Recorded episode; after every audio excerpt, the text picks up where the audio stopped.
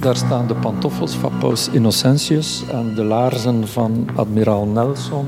Opgezette dieren, fossielen, steentjes, kristallen. Mysteries in Vlaanderen. Ik ben Amélie Oeters. Ik ben mysteriejager bij Radio 2 en ik ga onderzoeken of er erfgoed ligt op het college van Melle. Het begon eigenlijk allemaal bij mijn collega Benjamin Schollaert. Hij liet het volgende berichtje achter op mijn voicemail. Hey, dag Amelietus hier met Benjamin Schollaert. Zeg, ik hoorde dat jij deze zomer mysteries ontrafelt en ik heb, denk ik, denk ik, een suggestie voor u. Het zit zo. Ehm, ik woon in Melle, vlakbij het college hier in Melle. En hier in de buurt wordt al jaren van alles gezegd, van alles gefluisterd over die school. Sommigen beweren dat er daar schatten verstopt liggen. Ehm, een hand van een mummie bijvoorbeeld, heb ik al horen zeggen. Misschien kan je dat eens uitzoeken of die verhalen waar zijn. Het lijkt mij sterk, maar je weet maar nooit. Ik start mijn zoektocht en vrijwel meteen krijg ik een reactie van Radio 2-luisteraar Jean-Paul de Koning. Volgens hem klopt het dat daar schatten liggen. Hij herinnert zich dat nog uit zijn jonge jaren, in de jaren 70, toen hij klusjes deed op de school. Ja, wel, het zou zo zijn. Ik heb er vier jaar tijdens de vakantie, een beetje ja, in die bestond het woord waarschijnlijk nog niet, vakantiejob gedaan.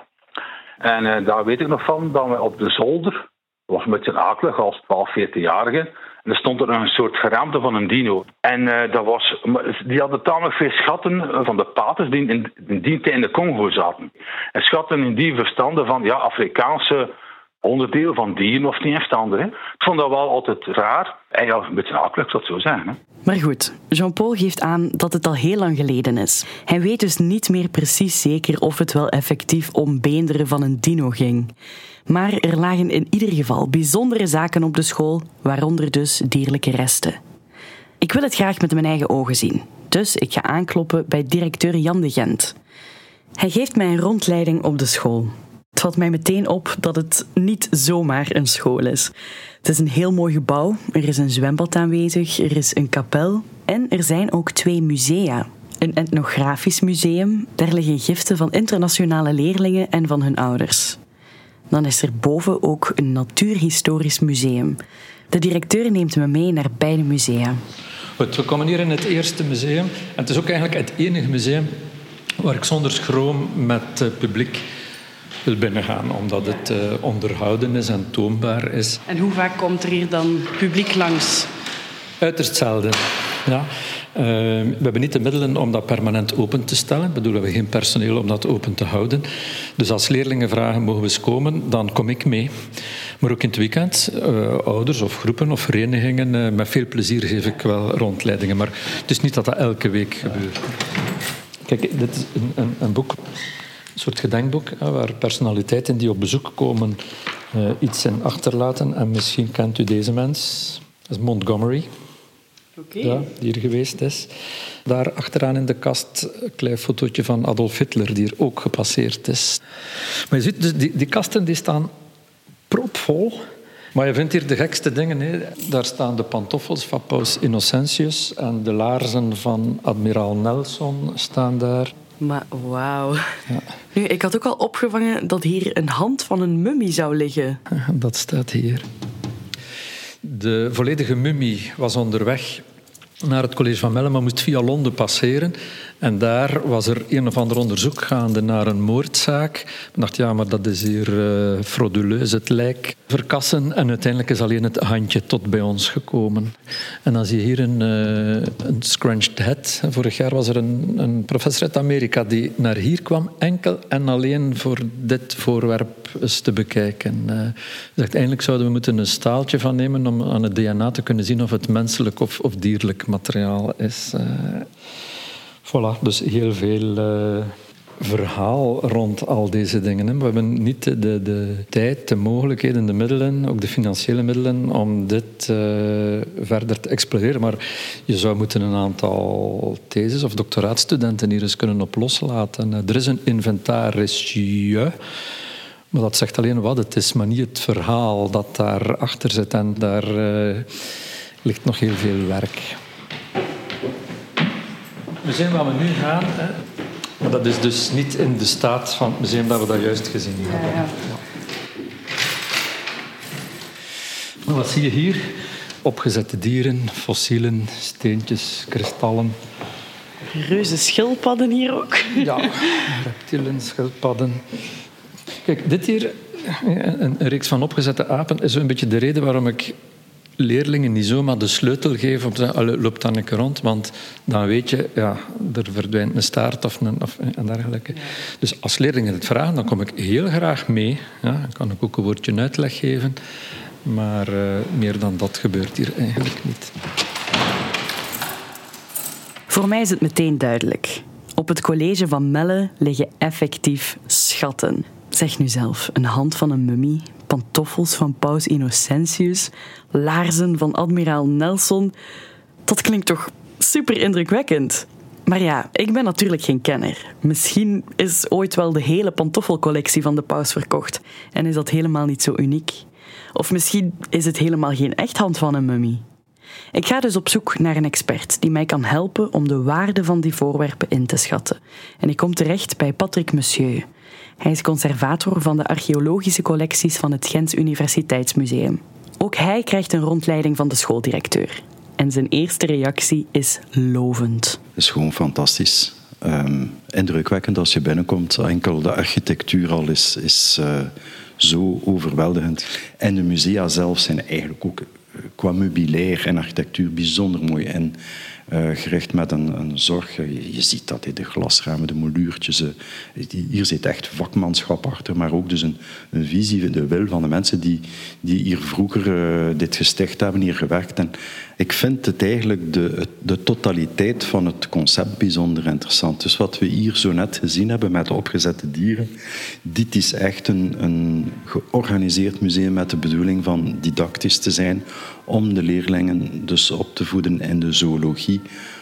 De eerste verzameling die we daar straks gezien uh, hebben, heeft zeker ook een, een evenzeer een hoge museumwaarde, maar is iets dat gegroeid is met schenkingen, maar eigenlijk even nuttig voor algemene vorming en dan vooral geschiedenis natuurlijk, omdat er zeer veel historische, archeologische, etnografische voorwerpen te zien zijn. Dus het ene is eigenlijk meer gegroeid, het andere is echt visionair. Volgens de professor is het dus al heel waardevol dat er twee zulke musea op een school aanwezig zijn. Het concept in zijn geheel is dus al waardevol. Maar ik wil toch graag weten of er dan in die collectie ook echt waardevolle, unieke stukken zitten. De hele collectie onderzoeken, dat is onbegonnen werk. Daar hebben we nu geen tijd voor. Maar professor Monsieur beslist om toch al even in te zoomen op een van de kasten, namelijk die met de spullen uit Egypte. De Egyptische kast uh, is, is, is uh, toch wel een uh, bijzondere verzameling. Als ik zo ook de vignetten erbij zie, waar, waar af en toe de naam van de schenker bij staat. blijkbaar het meeste komt uit de collectie van, van baron Blondeel van Culemborg onze eerste consul in Egypte. Misschien zijn zijn kinderen hier op college gekomen, want zijn weduwe heeft dit eigenlijk allemaal geschonken.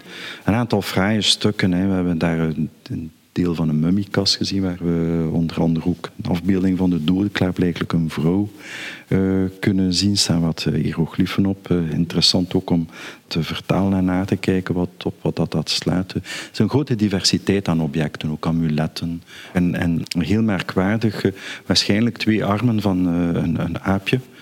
De aap werd ook vereerd als, als heilig dier in Egypte. En een, een klein mummietje dat toch wel vermoeden dat van een, een jonge krokodil is. Een krokodil is ook een, een Egyptische god. Dus, dus het, is, het, is, zeker een grote bijdrage voor de, voor de Egyptologie, denk ik. En dat gaat dus nog maar over één kast van de zoveel. Het is duidelijk, er ligt erfgoed op het college van Melle. En dus gaat professor Monsieur daarmee aan de slag.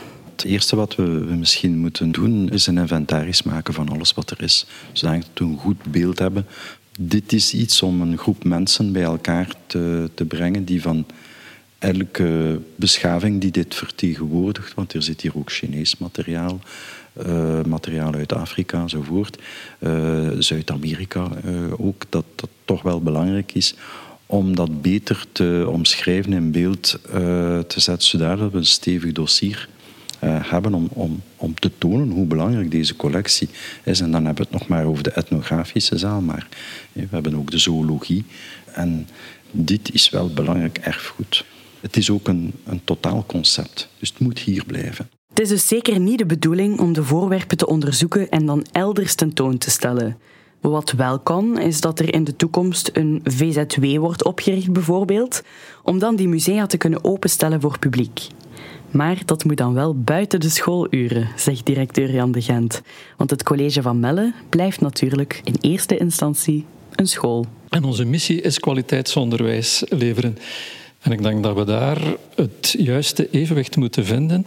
De waardering voor wat we hier in huis hebben en hoe dat we dat kunnen matchen aan het onderwijs van de 22e eeuw. Ik denk dat dat voor het schoolbestuur de grote uitdaging is van hoe verankeren we dit erfgoed voor de toekomst voor onze school. Voilà, dit is het dan. Mijn mysterie is ontrafeld. Ja, er ligt effectief erfgoed op het college van Melle. En de school zal misschien zelfs ooit in de toekomst een openbaar museum worden. Einde van het verhaal. Maar dan word ik gecontacteerd door Bert Nijrink. Hij wijst mij op het feit dat er in het college van Melle niet alleen bijzondere voorwerpen liggen, maar dat er ook geschiedenis werd geschreven. Voetbalgeschiedenis om precies te zijn. En Bert weet dat omdat hij er zijn thesis over schreef. Het was in 1985. Ik was uh, laatstejaarsstudent aan uh, het in Leuven, lichamelijke opvoeding. Ik moest daar dus een eindverandering maken. En ik kreeg een artikel in mijn handen uh, van de broer van mijn vader. Met als titel Wie lanceerde de voetbalsport in ons land? Er stond in dat artikel dus dat het college van Melle uh, de eer voor zich opeiste zonder harde bewijzen. Nu dacht ik van, kijk, uh, daar is daar al naar gezocht, maar niemand heeft het gevonden, ook Roger Moens. Heeft daar toen als sportjournalist naar gezocht en heeft dat niet gevonden. Ik dacht van, ik ga het wel proberen uit te zoeken.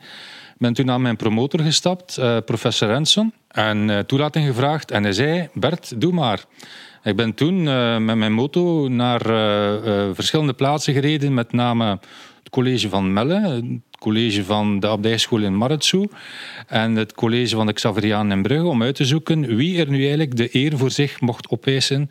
En ik heb eigenlijk toelating gekregen om de archieven uit te pluizen en ik herinner mij op een bepaald moment, uh, ik zie daar mij nog zitten in de oude bibliotheek op het college van Melle met een klein bureaulampje, waar ik zwart op wit het bewijs kon vinden dat het wel degelijk op het college van Melle was in 1863.